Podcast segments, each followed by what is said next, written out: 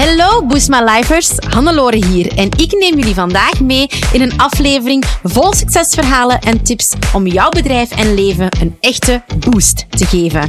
Buckle up and get ready for Boost My Life.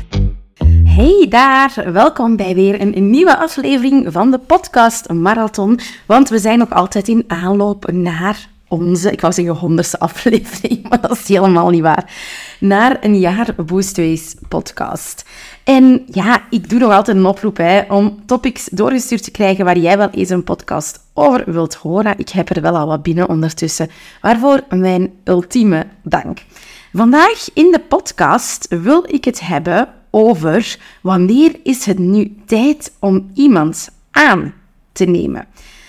Want ja, misschien weet je het zelf wel al, Boostways, wij zijn in volle expansie. Ik heb heel snel iemand aangenomen. En ik krijg ook wel vaak die vraag van, hoe kan ik nu nagaan wanneer het tijd is om effectief een persoon in dienst te nemen of om taken te beginnen uit te besteden, wanneer neem ik die beslissing. En daar wil ik je dus vandaag in meenemen van, ja, wat kan jij doen? En ook wel een beetje in mijn eigen verhaal. Ik denk um, dat het motto Hire Fast, Fire Faster eigenlijk een heel goed motto is om jouw bedrijf te doen groeien. En dat is ook wel wat wij bij Boostways proberen.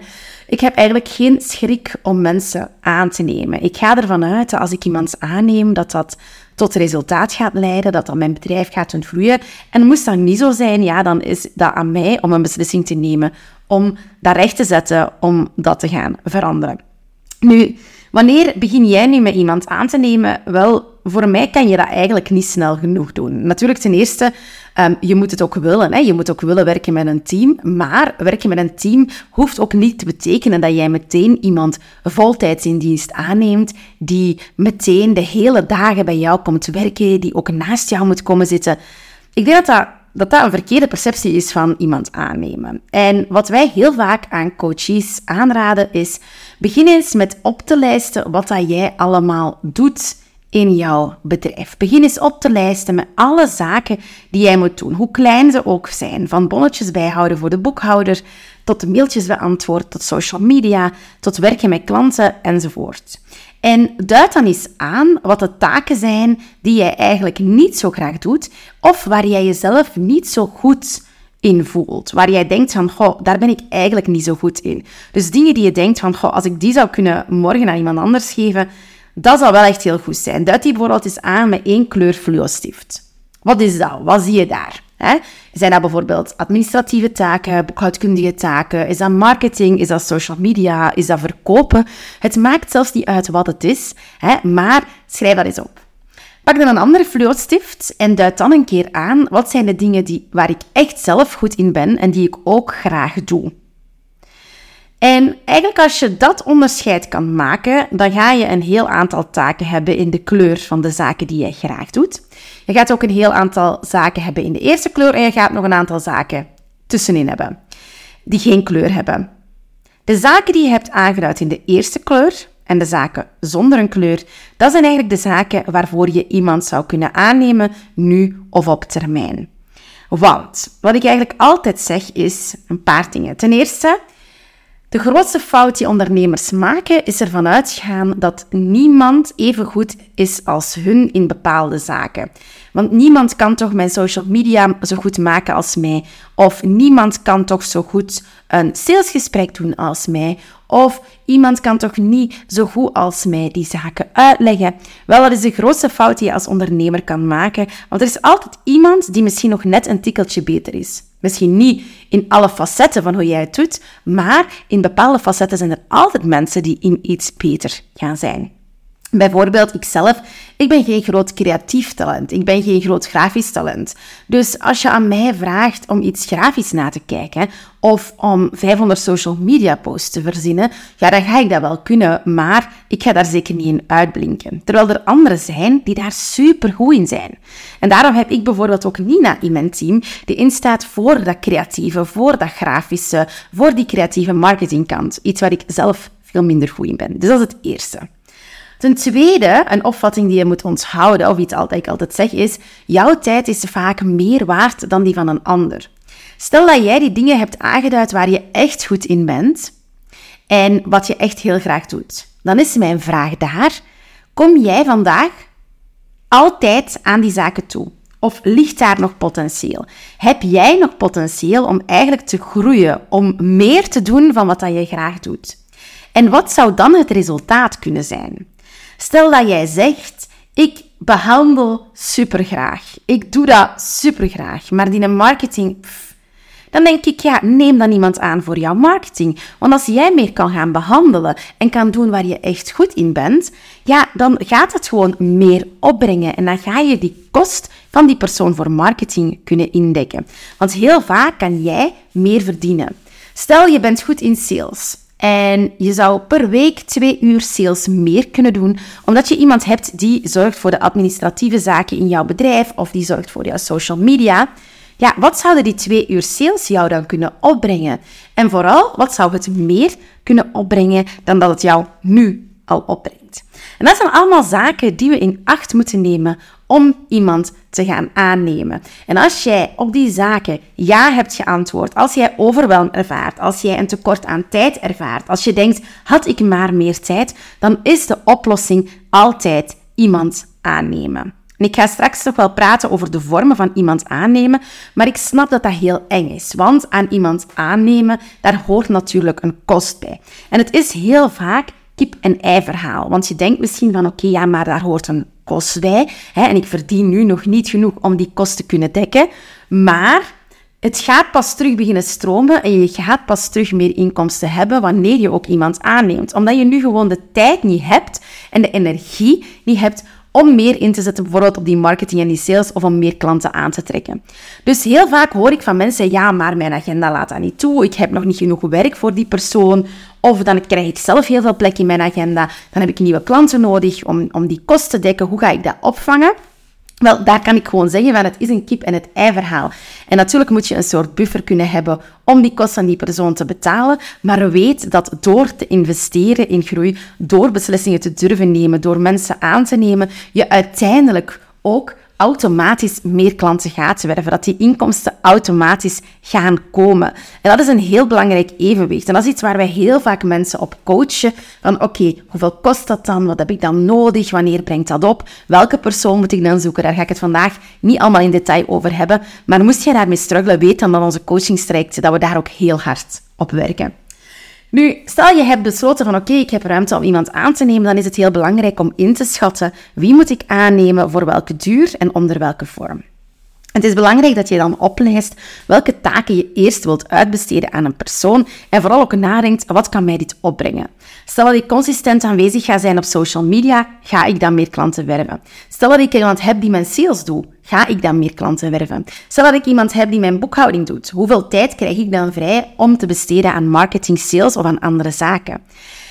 Lijst op wat de taken zijn dat een persoon zou doen. Want dat gaat jou helpen om dan het goede profiel te vinden. En een goed profiel vinden, daar is nog veel meer over te zeggen. Want uiteraard is het ook belangrijk om na te denken over welke competenties heeft die persoon nodig. Wat zijn de doorgroeimogelijkheden van die persoon? Hoe zie jij jouw bedrijf evolueren? Wat zijn dan de mogelijkheden? Het is ook belangrijk als je recruteert, dat je um, recruteert richting de toekomst. Dus dat je duurzaam recruteert. Um, maar belangrijker is ook nog van onder welk dienstverband ga je die persoon zetten. Hè? Hoe lang gaat die persoon voor jou werken? Of hoeveel gaat die persoon werken? Hoeveel uur per week werk heb jij voor iemand? Hè? Is dat een voltijdscontract? Is dat een halftijdscontract? Ga je eerst op zoek naar een freelancer, bijvoorbeeld om voor jou het werk te doen? Hè? Ga je dingen gaan uitbesteden aan een andere ondernemer? Wat is dan de kostprijs dat daar tegenover staat? En ik merk dat heel veel mensen schrik hebben om iemand in dienst te nemen, omdat ze eigenlijk heel onwetend zijn. Onwetend zijn over wat kan ik die persoon geven, wie heb ik dan nodig, maar ook wat gaat mij dat kosten. En ik kan daar ook aanraden, informeer jezelf en begin ook met kleine stappen. Wij raden heel vaak aan in eerste instantie om te werken met een freelancer of een student. Een freelancer of een student, dat zijn eigenlijk een freelancer, sorry, een flexijobber of een student. Dat zijn eigenlijk profielen die jou best weinig kosten, als je het zo gaat bekijken.